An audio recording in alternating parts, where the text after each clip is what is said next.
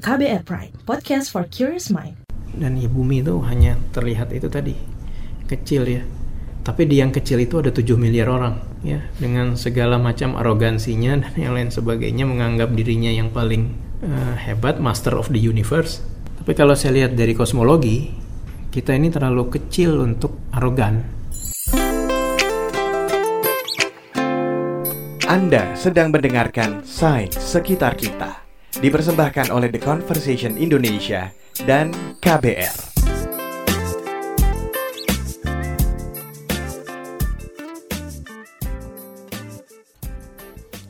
Halo, kita ketemu lagi di Science Sekitar Kita. Kita sekarang ada di season kedua dan kita masih ngobrolin tentang peneliti-peneliti Indonesia. Dan seperti biasa juga, saya nggak sendirian karena saya selalu ditemenin sama Lutfi dari The Conversation Indonesia. Hai Lutfi, apa kabar? Halo Naomi, kalau aku baik nih, kalau kamu gimana? Harusnya baik lah ya? Yes dong, pasti. Kelihatannya baik, cerah gitu.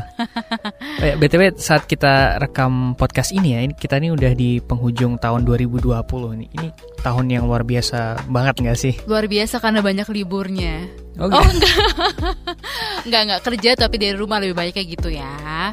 Tapi bener sih, COVID ini yang paling berasa Lutfi. Karena banyak banget yang meninggal Kemudian ekonominya ambruk Orang-orang juga kehilangan pekerjaan.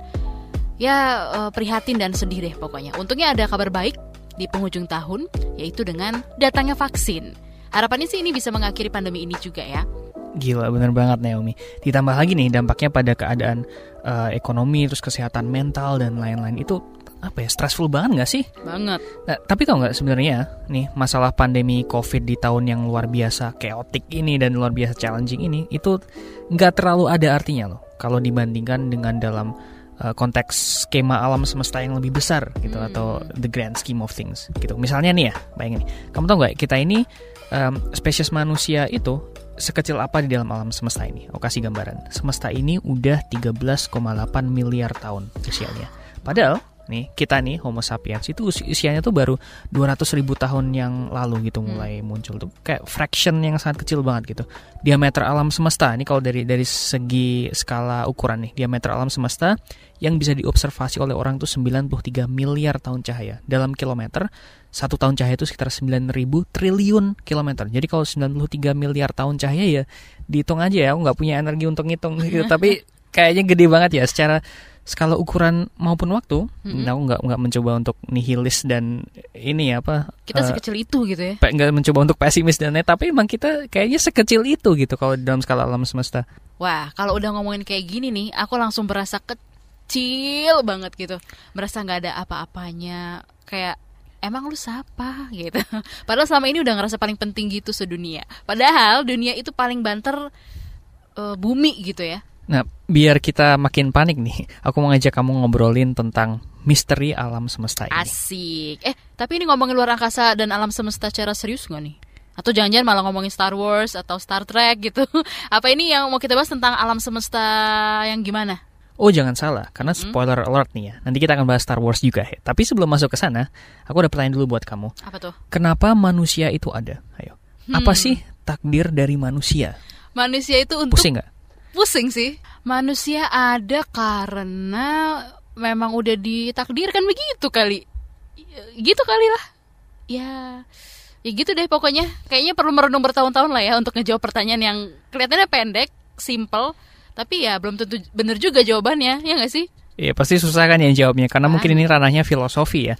Tapi untungnya kalau pertanyaan tentang alam semesta itu sendiri itu bisa dijawab secara saintifik. Misalnya nih, berbagai fisikawan dan astronom mulai dari zamannya Copernicus, uh, Newton, Einstein sampai Stephen Hawking tuh selama ratusan tahun tuh uh, mulai bisa menjelaskan bagaimana alam semesta ini bekerja.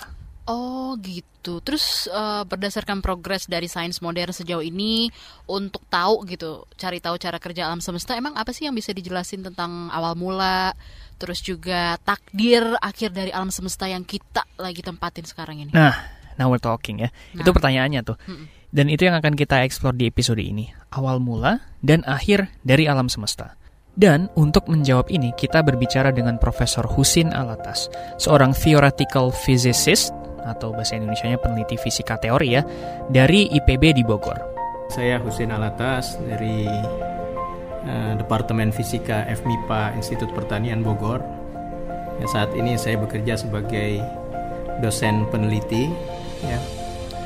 Uh, dan saat ini juga saya diberi amanah pertama untuk menjadi guru besar bidang fisika teori di Fakultas MIPA uh, Institut Pertanian Bogor. Kemudian di Departemen Fisika tempat saya bekerja uh, diberi tugas sebagai kepala divisi fisika teori. Wow, tahu nggak sih? Kadang aku tuh jujur ya ngerasa heran. Kenapa ya ada orang-orang yang tertarik pelajarin atau mungkin mikirin hal-hal kayak gini? Karena bagi aku tuh bisa capek banget mikirinnya. Nah, waktu aku tanya dulu kenapa beliau tertarik dan end up jadi fisikawan ya, aku kira jawabannya tuh kayak nonton film sci-fi waktu kecil atau apa gitu. Ternyata nggak, Naomi. Hmm. Profesor Husin ini cerita ya di usia muda, di usia remajanya dulu, waktu teman-teman lainnya tuh asik nonton film kayak catatan si boy tahun 87 ya itu, hmm. beliau tuh malah nggak tertarik gitu. Prof Husin sibuk melahap buku-buku fisika dan udah ngefans gitu sama banyak uh, ahli fisika di Indonesia. Tapi jangan salah, Prof. Husin itu juga jadi penonton setia Star Wars loh selama 42 tahun. I told you kan kita akan ngobrol wow. tentang Star Wars. Okay. Banyak aspek imajinatif di film science fiction itu yang mendorong uh, apa ya minatnya dan drive imajinasinya menjadi uh, fisikawan. Ya saya melihat film-film seperti Star Wars itu ini apa membawa kita berimajinasi. Ya, membawa kita berimajinasi terus ya mungkin juga melahirkan ide ya karena biar pun juga saya percaya imajinasi itu lebih lebih penting dari dari pengetahuan sebagaimana kata Einstein ya. Imagination is more important than uh, knowledge. ya. Nah, tapi memang eh, saya guyon sama anak saya. Dia bilang dari 42 tahun nonton itu ada satu yang tidak berubah dari Star Wars ya. Bahwa di angkasa luar itu ada suara hmm. ya, ya jadi padahal ya kita sama-sama tahu bahwa di angkasa luar nggak ada udara jadi nggak ada suara seharusnya. Ya tapi mungkin untuk efek uh, film uh, no problem ya. Nah, di awal dulu ketika nonton nggak paham. Ya, saya pikir itu hal yang wajar aja. Di angkasa luar ada suara. Tapi setelah belajar fisika tahu kok itu salah. Wah, aku juga baru tahu kalau di luar angkasa itu nggak ada suara. Padahal kalau kita lihat di Star Wars kan ya orang-orang kayak bisa ngobrol santuy gitu kan pas perang juga suara tembakannya heboh banget. Tapi ya namanya film lah ya efeknya banyak masa jadinya dibikin film bisu kan nggak mungkin juga. Eh tapi Lutfi waktu kamu ngobrol sama Profesor Hussein ceritain dong kayaknya seru. Oh ya seru banget dong makanya kapan-kapan harusnya Naomi ikut juga. Oh boleh boleh. Nah, uh, during our interview ya dengan uh, Prof Husin kita tuh ngomongin banyak banget hal. Bayangin nih saking serunya nggak berasa itu rekaman tuh sampai tiga setengah jam secara Prof Husin ini apa ya fisikawan dengan bidang riset yang luas ya dan dari yang skala kuantum atau partikel-partikel yang super kecil penyusun zat gitu sampai yang skala alam semesta. Tapi ada satu subjek yang paling uh, katanya beliau paling gemari yaitu tentang kosmologi. Bagaimana alam semesta bermula, keadaannya sekarang dan apa masa depannya. Ih, mulai merinding aku loh. Ngomongin awal mula alam semesta sampai masa depannya. Pasti ngomongin juga soal gimana berakhirnya kan ya? Gimana ya itu bubarnya alam semesta ini dan kapan gitu aku aku nggak ada bayangan sama sekali deh bakalan kayak gimana We'll get there, Naomi. Walaupun ceritanya panjang, kita akan sampai di sana. Kita cerita pelan-pelan ya dari awal. Nah, cerita ini kita mulai dari salah satu ilmuwan yang paling terkenal di dunia, yaitu Albert Einstein. Lebih tepatnya, studi era modern tentang alam semesta itu bisa dikatakan di apa ya, di kickstart atau dipicu atau jadi semakin banter sekitar tahun 1915-an ketika Albert Einstein mempublikasikan teorinya tentang relativitas umum. Aku jelasin pelan-pelan. Jadi sebelum Einstein ini, para ilmuwan itu kan apa ya baru punya pengetahuan yang ya sedikit tentang bagaimana alam semesta ini bekerja ya. Misalnya ya to some extent tahu bagaimana gravitasi berinteraksi dengan benda. Kayak ini kan apa Isaac Newton ya. Sedikit tentang apa cara kerja cahaya, pergerakan bintang dan seterusnya. Tapi teori relativitas umum Einstein ini adalah suatu model yang jauh lebih komprehensif dan lengkap ya. Intinya tuh gini, men, itu, dia tuh menjelaskan bagaimana benda dan partikel di alam semesta itu berinteraksi dengan gravitasi, cahaya dan waktu secara bersamaan gitu ya intinya tuh kayak super sederhana itu kayak gitu.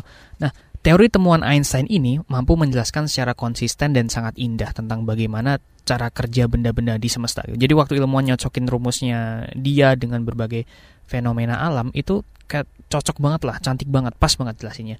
Mulai dari orbit planet, perilaku dari galaksi, berkembangnya bintang, munculnya lubang hitam, dan tentu aja yang akan kita eksplor sekarang, yakni awal mula alam semesta. Dan apa eh, teori relativitas umum ini bisa dikatakan menjadi basis dari kosmologi modern. Jadi, berbekal wawasan baru ini di sekitar tahun 1915, ilmuwan itu semakin pesat mempelajari tentang kondisi alam semesta. Apa aja kira-kira Naomi yang ditemukan para ilmuwan menurutmu setelah teori Einstein ini terbit? Tahu tahu nggak apa aja? Ah, aku tahu. Aku sempat baca nih salah satu temuan yang cukup menarik abis adanya teori Einstein ini. Itu uh, sekitaran tahun 1920 ada ahli fisika Soviet namanya Alexander Friedman. Itu nyoret-nyoret persamaannya Einstein ini gitu kan ya. Terus nemuin suatu hal aneh kalau alam semesta itu ternyata nggak diem aja tapi ternyata ngembang terus makin panjang, makin luas gitu gak sih? Iya, benar banget. Uh, apa ya? Dan bahkan Einstein sendiri tuh apa ya nggak percaya gitu dengan ini gitu dan cuma nganggap ini tuh kayak error gitu. Einstein tuh uh, malah memaksakan ngoreksi sedikit teorinya dengan nambah satu angka gitu atau suatu konstanta supaya di modelnya itu alam semesta ini tetap kayak diem aja gitu nggak nggak ngembang gitu. Dia kira tuh kayak itu anomali masa sih alam semesta berkembang? Awalnya dia kayak gitu dulu. Nah Einstein sendiri punya kepercayaan bahwa alam semesta ini statik tidak berkembang. Ya. Ketika ditunjukkan bahwa persamaan medan Einstein orang sebutnya persamaan medan Einstein. Ya, ya itu sebetulnya menggambarkan ruang waktu. Ketika orang uh, apa menunjukkan kepada Einstein bahwa uh, teorinya ini menunjukkan alam semesta ini mengembang, kok Einstein itu langsung merasa harus memperbaiki teorinya. Kemudian dia masukkan ada satu suku di dalam persamaannya yang orang kenal sekarang sebagai konstanta kosmologi. Tapi serunya, ternyata beberapa tahun kemudian kayak dilema ini tuh kayak misteri ini tuh akhirnya dijawab diselesaikan oleh seorang astronom Amerika Edwin Hubble namanya kita kan sering dengar ya Hubble Telescope itu Eh, itu namanya diambil dari Edwin Hubble. Hubble sendiri sebenarnya tuh terkenalnya tuh pada tahun 1924 gitu. Waktu dia pakai teleskop di observatorinya di California itu pertama kali menemukan bahwa ada galaksi lain di luar uh, Milky Way, di luar Bima Sakti. Dia nemu beberapa waktu itu salah satunya adalah galaksi Andromeda. Nah, tapi yang terkait dengan cerita kita ini, data dari observasi-observasi galaksi tersebut ternyata itu ada yang aneh gitu Misalnya nih, dia pada tahun 1929 dia teliti lebih lanjut itu. Dia menghitung jarak uh, dari galaksi-galaksi itu dan juga misalnya karakter gelombang cahayanya dan all of that uh, sciencey stuff dan menemukan bahwa benar alam semesta itu emang berkembang gitu. Sampai-sampai ini Einstein uh, waktu si Hubble ngeluarin menerbitkan ini gitu. Dia sampai yang mengunjungi Hubble di observatorinya di California gitu. Mungkin nggak tahu ya yang aku bayangkan kayak gedor-gedor pintu. Bro bro bro bener gak ini bro gitu. Kali ya nggak tahu ya. Okay. untuk ngobrol lebih lanjut dengan Hubble dan pada akhirnya Einstein itu benar-benar meyakini hal ini. Nah Einstein kemudian mengatakan bahwa this is the biggest blunder uh, in my life lah kata gitu ya. Ini adalah blunder paling besar dalam hidupnya dengan memasukkan konstanta kosmologi untuk mempertahankan alam semesta yang statik, yang tidak berkembang, yang kenyataannya dia berkembang. Ya.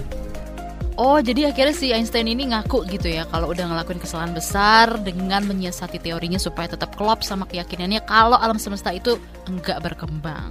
Tapi pas lagi nyaksiin ada bukti kuat menunjukin sebaliknya, dia langsung ngaku dan dukung teori baru itu. Humble ya saintis ini ya. Tapi belum selesai dramanya Naomi, nggak selesai di situ. Oh, Pada okay. tahun 1998 nih, ada tiga ilmuwan lagi yang menemukan bahwa semesta itu nggak cuma berkembang gitu, nggak cuma kayak memanjang, meluas hmm. kayak, tapi berkembangnya itu secara akseleratif atau kayak makin cepat, makin cepat dan makin cepat. Ini ada perkembangan menarik.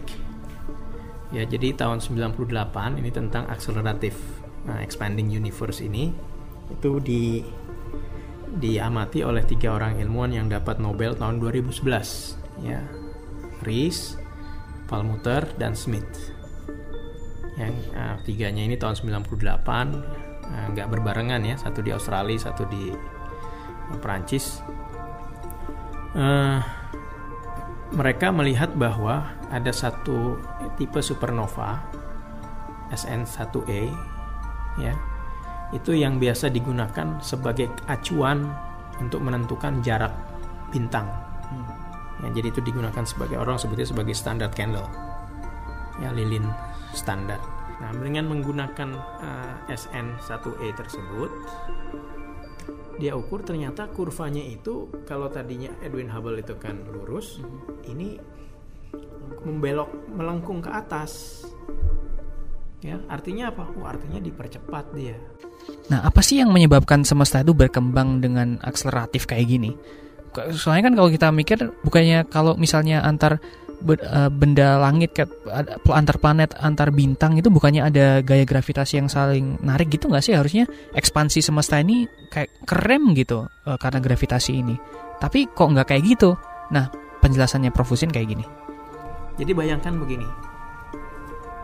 Kalau saya punya gravitasi di bumi, saya lempar bola, kan lama-lama bolanya makin makin melambat kan? Satu saat akan diam balik lagi.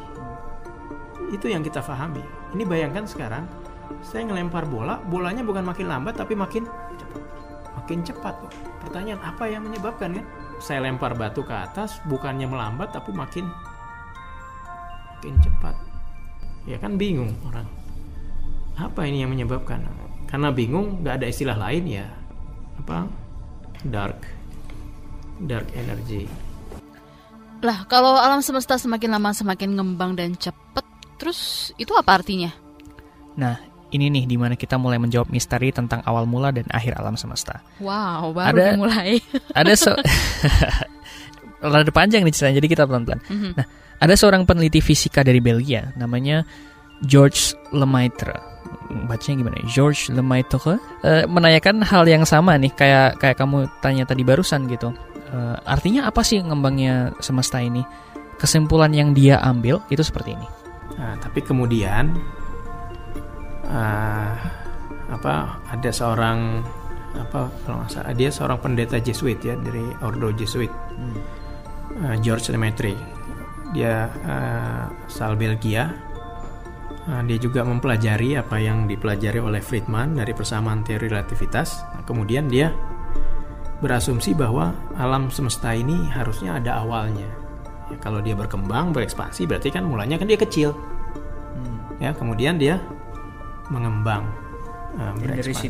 berspekulasi oh pasti ada Ya. origin di mana ada alam semesta itu ketemu di, gitu di, ya. di suatu saat di lampau itu alam semesta itu uh, kecil Sebentar, jadi ternyata George Lemaitre ini yang disebut-sebut sebagai pencetus Big Bang Theory atau teori dentuman besar kan ya, yang nyebutin kalau peristiwa ledakan dahsyat itu nyebabin terbentuknya alam semesta. Iya, benar banget. Itu yang yang kita eh, maksud sekarang dengan Big Bang Theory. Tapi dulu ada cerita lucu nih Naomi, kenapa bisa akhirnya disebut The Big Bang Theory itu, gitu. Jadi waktu pertama George Lemaitre ini menawarkan konsepsinya ya kayak alam semesta kalau ngembang berarti ada titik awalnya dong. Itu dia kayak dikomentarin secara sinis gitu sama seorang eh, astronom Inggris namanya Fred Hoyle gitu. Kayak dia bilang masa sih kayak gitu eh, kalau misalnya ini awalnya kayak titik gitu terus tiba-tiba ada ledakan Big Bang terus tiba-tiba semua jadi meluas gitu. Ni- niatnya dia kayaknya eh, ngeledekin gitu. Hmm. tapi waktu orang-orang dengar tentang istilah yang dia buat ini Big Bang teori orang kayak malah jadi oh ini asik ya kalau dinamain Big Bang gitu kayak nama itu kayak catch on gitu. Jadi secara ironis Fred Hoyle yang menentang Big Bang teori ini memperkenalkan istilah Big Bang teori kepada masyarakat gitu. Oke. Nah, teori George Lemaitre ini eh, Big Bang teori ini seiring berpuluh tahun dan berkembangnya sains eh, itu semakin dikonfirmasi gitu bahwa ya beneran ini awal mula semesta. Misalnya ya, para ilmuwan mu- mempelajari radiasi sisa-sisa Big Bang yang tersebar di luar angkasa dan banyaklah metode lainnya. Salah satu hal yang juga ditemukan yang menurutku cukup menakjubkan juga misalnya adalah bahwa saat Big Bang ini terjadi kayak titik kecil terus tiba-tiba Big Bang itu semesta ini mengalami inflasi kayak ke- pe- ekspansi pe- perkembangan yang luar biasa cepat dalam waktu yang luar biasa singkat. ya termasuk bahwa uh, ada indikasi kuat alam semesta itu setelah Big Bang ya di T10 pangkat minus 35 detik bayangin ya di waktu satu detik dibagi 10 pangkat 35 detik atau 10,35 itu satu dengan 0,35 di belakangnya. Ya, setelah itu terjadi inflasi. Langsung dari titik kecil banget Ya, langsung langsung eh, besar. gitu Ya, langsung besar terjadi uh, inflasi. Nah, si MB itu mendukung teori tersebut. Ya. Nah, ditambah tadi kan di awal saya udah katakan bahwa umurnya 13,9 13,8 miliar tahun tapi kok diameternya 93 miliar tahun cahaya.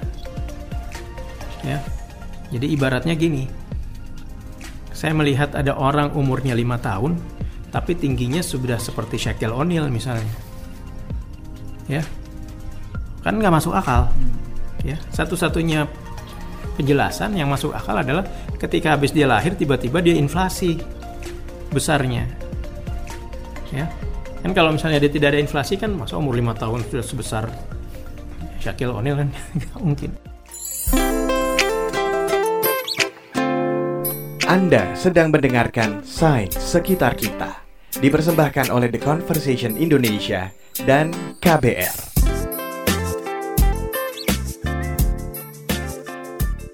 Kita balik lagi di Science sekitar kita season kedua dan episode kali ini kita lagi ngebahas tentang alam semesta. Ada Lutfi juga di sini. Kita lanjut lagi ya Lutfi ya. Siap, lanjut. So now we've established bahwa dulu semesta ini dimulai dari titik kecil.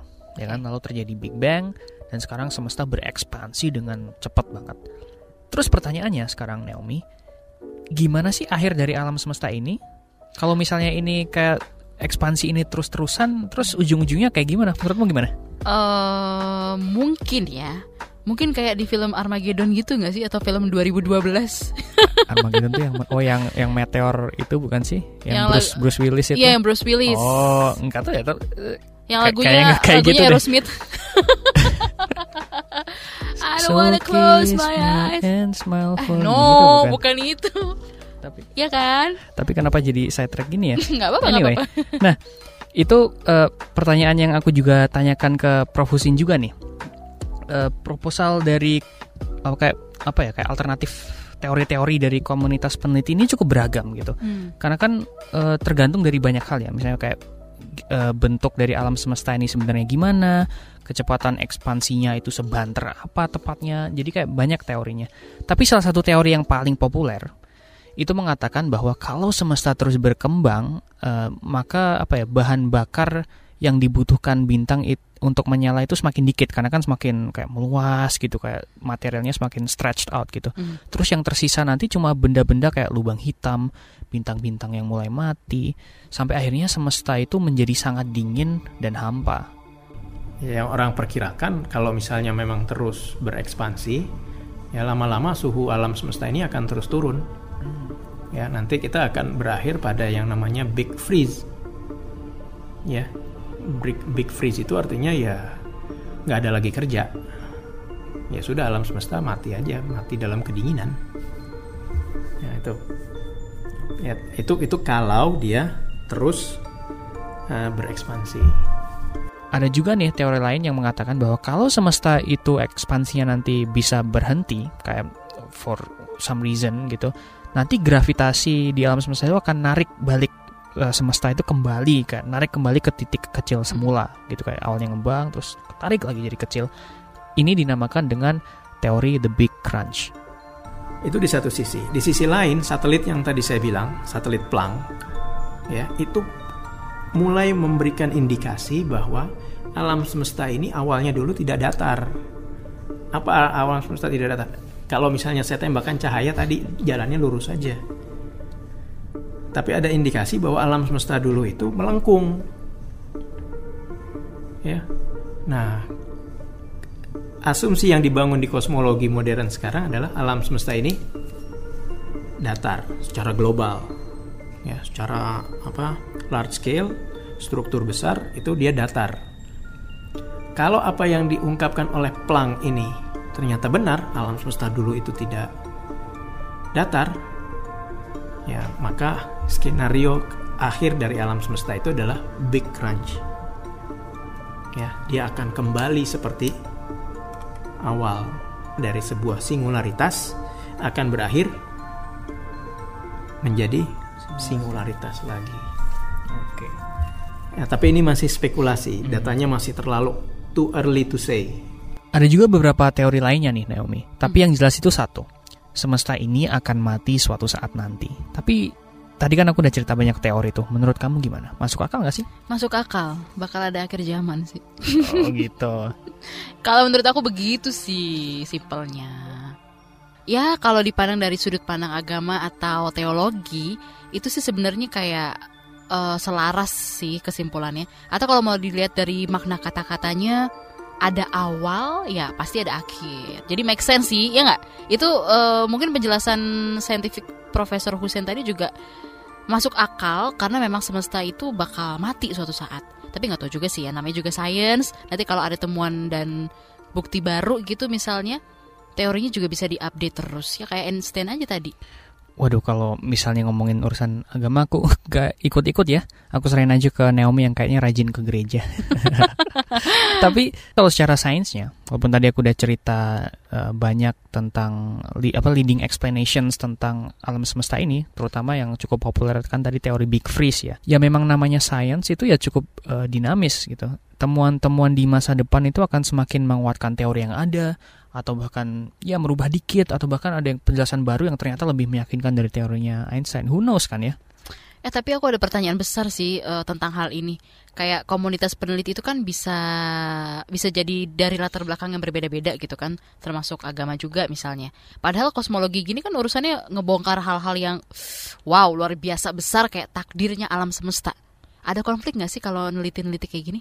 That's actually a very good question, Naomi. Dan ini juga aku yang kemarin itu eh, nanya juga ke Hmm. Prof. Hussein gitu. Tapi untungnya itu ya kalau yang namanya science itu ya value free gitu kayak bebas nilai gitu kayak it doesn't really matter kayak datangnya dari mana Mm-mm. uh, kayak latar belakang dan lain-lain kalau misalnya ada bukti ya bukti yang menang gitu Uh, that's the thing about science it's uh, value free Ya, jadi yang jelas komunitas ilmuwan itu bahu membahu gitu karena sama-sama mencari the ultimate truth dan uh, here's a beautiful message dari Prof Husin tentang ini Ya pertama saya nggak pernah ada kesulitan ya. Eh, artinya mau backgroundnya apa pun juga selama saya bicara tentang sains itu kita nggak ada halangan apa-apa. Ya itu dibuktikan dari tadi Nobel 79 itu menurut saya spektakuler ya. Salam seorang Muslim, Glashow seorang Protestan, Weinberg seorang Jewish yang yang lebih cenderung ateis, tapi mereka bisa sampai pada kesimpulan yang sama, membuat satu teori yang sama. Ya bayangkan kalau mereka itu uh, bergerak uh, lewat background masing-masing, mungkin nggak akan ketemu. Ya itulah yang yang membuat saya bersyukur saya jadi ilmuwan ya, jadi jadi saintis. Ya, artinya sekat-sekat seperti itu nggak ada. Ya, karena dipersatukan kebenaran Iya, artinya kita apa kita mencari ultimate truth sama-sama. Ya, lewat kemampuan kita masing-masing. Oke berarti kita harus nyikapin ini semua kayak gimana nih Lutfi? Itu juga pertanyaan terakhir yang waktu itu aku tanyakan ke Prof. Husin. Yang menurutku ini bisa wrap up diskusi kita nih di episode ini. Jadi kan ketika ngomongin eh, alam semesta nih misalnya, aku tuh selalu ingat tentang sebuah foto yang diambil oleh space probe-nya NASA gitu. Namanya eh, Voyager 1. Itu diambil fotonya dari jarak 6 miliar kilometer dari bumi. Fotonya tuh cantik banget menurutku, Naomi. Walaupun nggak secantik kamu ya tapi. Jadi fotonya itu menunjukkan hampanya luar angkasa gitu. Kayak diwarnai sedikit sinar cahaya dari kamera gitu. Terus di tengah-tengah itu ada satu titik kecil biru yang warnanya biru pudar gitu. Yang ukurannya itu kurang dari satu piksel di foto itu. Itulah bumi. Itu baru dari 6 miliar kilometer ya kalau fotonya itu misalnya dibandingin foto ngambil seluruh alam semesta sekecil apa kita coba Dan di bumi itu hanya terlihat itu tadi kecil ya. Tapi di yang kecil itu ada 7 miliar orang. Ya, dengan segala macam arogansinya dan yang lain sebagainya menganggap dirinya yang paling eh, hebat, master of the universe. Ya, tapi ternyata sedemikian kecil ya. Nah, jadi kalau saya ke mahasiswa saya selalu bilang begini ya. Kita ini manusia ya itu terlalu kompleks untuk bisa dibeda-bedakan satu sama lain. Apalagi mau berdasarkan strata sosial, strata apa pun gitu ya. Kompleksitas kita itu sedemikian luar biasanya. Ya. Tapi kalau saya lihat dari itu dilihat dari sisi teori kompleksitas. Tapi kalau saya lihat dari kosmologi, ya kita ini terlalu kecil untuk arogan. Saya pernah dengar jokes dari Carl Sagan kalau nggak salah. Itu kayak di luasnya itu, di luasnya alam semesta itu di satu titik kecil kita memperdebatkan agama, sistem ekonomi macam-macam kayak gitu. Padahal 99, lainnya kosong belum. Wah luar biasa banget deh, sekali lagi luar biasa banget. Semangat banget nih episode kali ini ya. Kita bisa dapat uh, banyak penjelasan dari Profesor Husin, salah satu peneliti Indonesia. Jadi ini bisa dibilang sangat ngebuka banget paradigmaku tentang banyak hal. Eh tapi kita masih ada gak sih beberapa peneliti lagi yang bakal dibahas untuk next episode? Oh tentu aja masih banyak ya peneliti-peneliti keren yang akan kita bahas di beberapa episode mendatang uh, yang jelas teman-teman yang mendengarkan harus selalu stay tune. Wow, aku gak pernah sabar nih nungguin episode episode baru dari sains sekitar kita. Karena memang obrolan-obrolan menarik dan juga berisi dengan peneliti-peneliti Indonesia dan juga hasil penelitiannya itu memang benar-benar mencengangkan gitu. Ya kamu juga harus pantengin nih guys ya, nambah wawasan banget ini bener-bener. Nah tapi kalau ada saran, masukan, gak usah ragu, langsung kirim aja lewat email ke podcast at kbrprime.id. Saya Naomi. Dan saya Lutfi. Undur diri.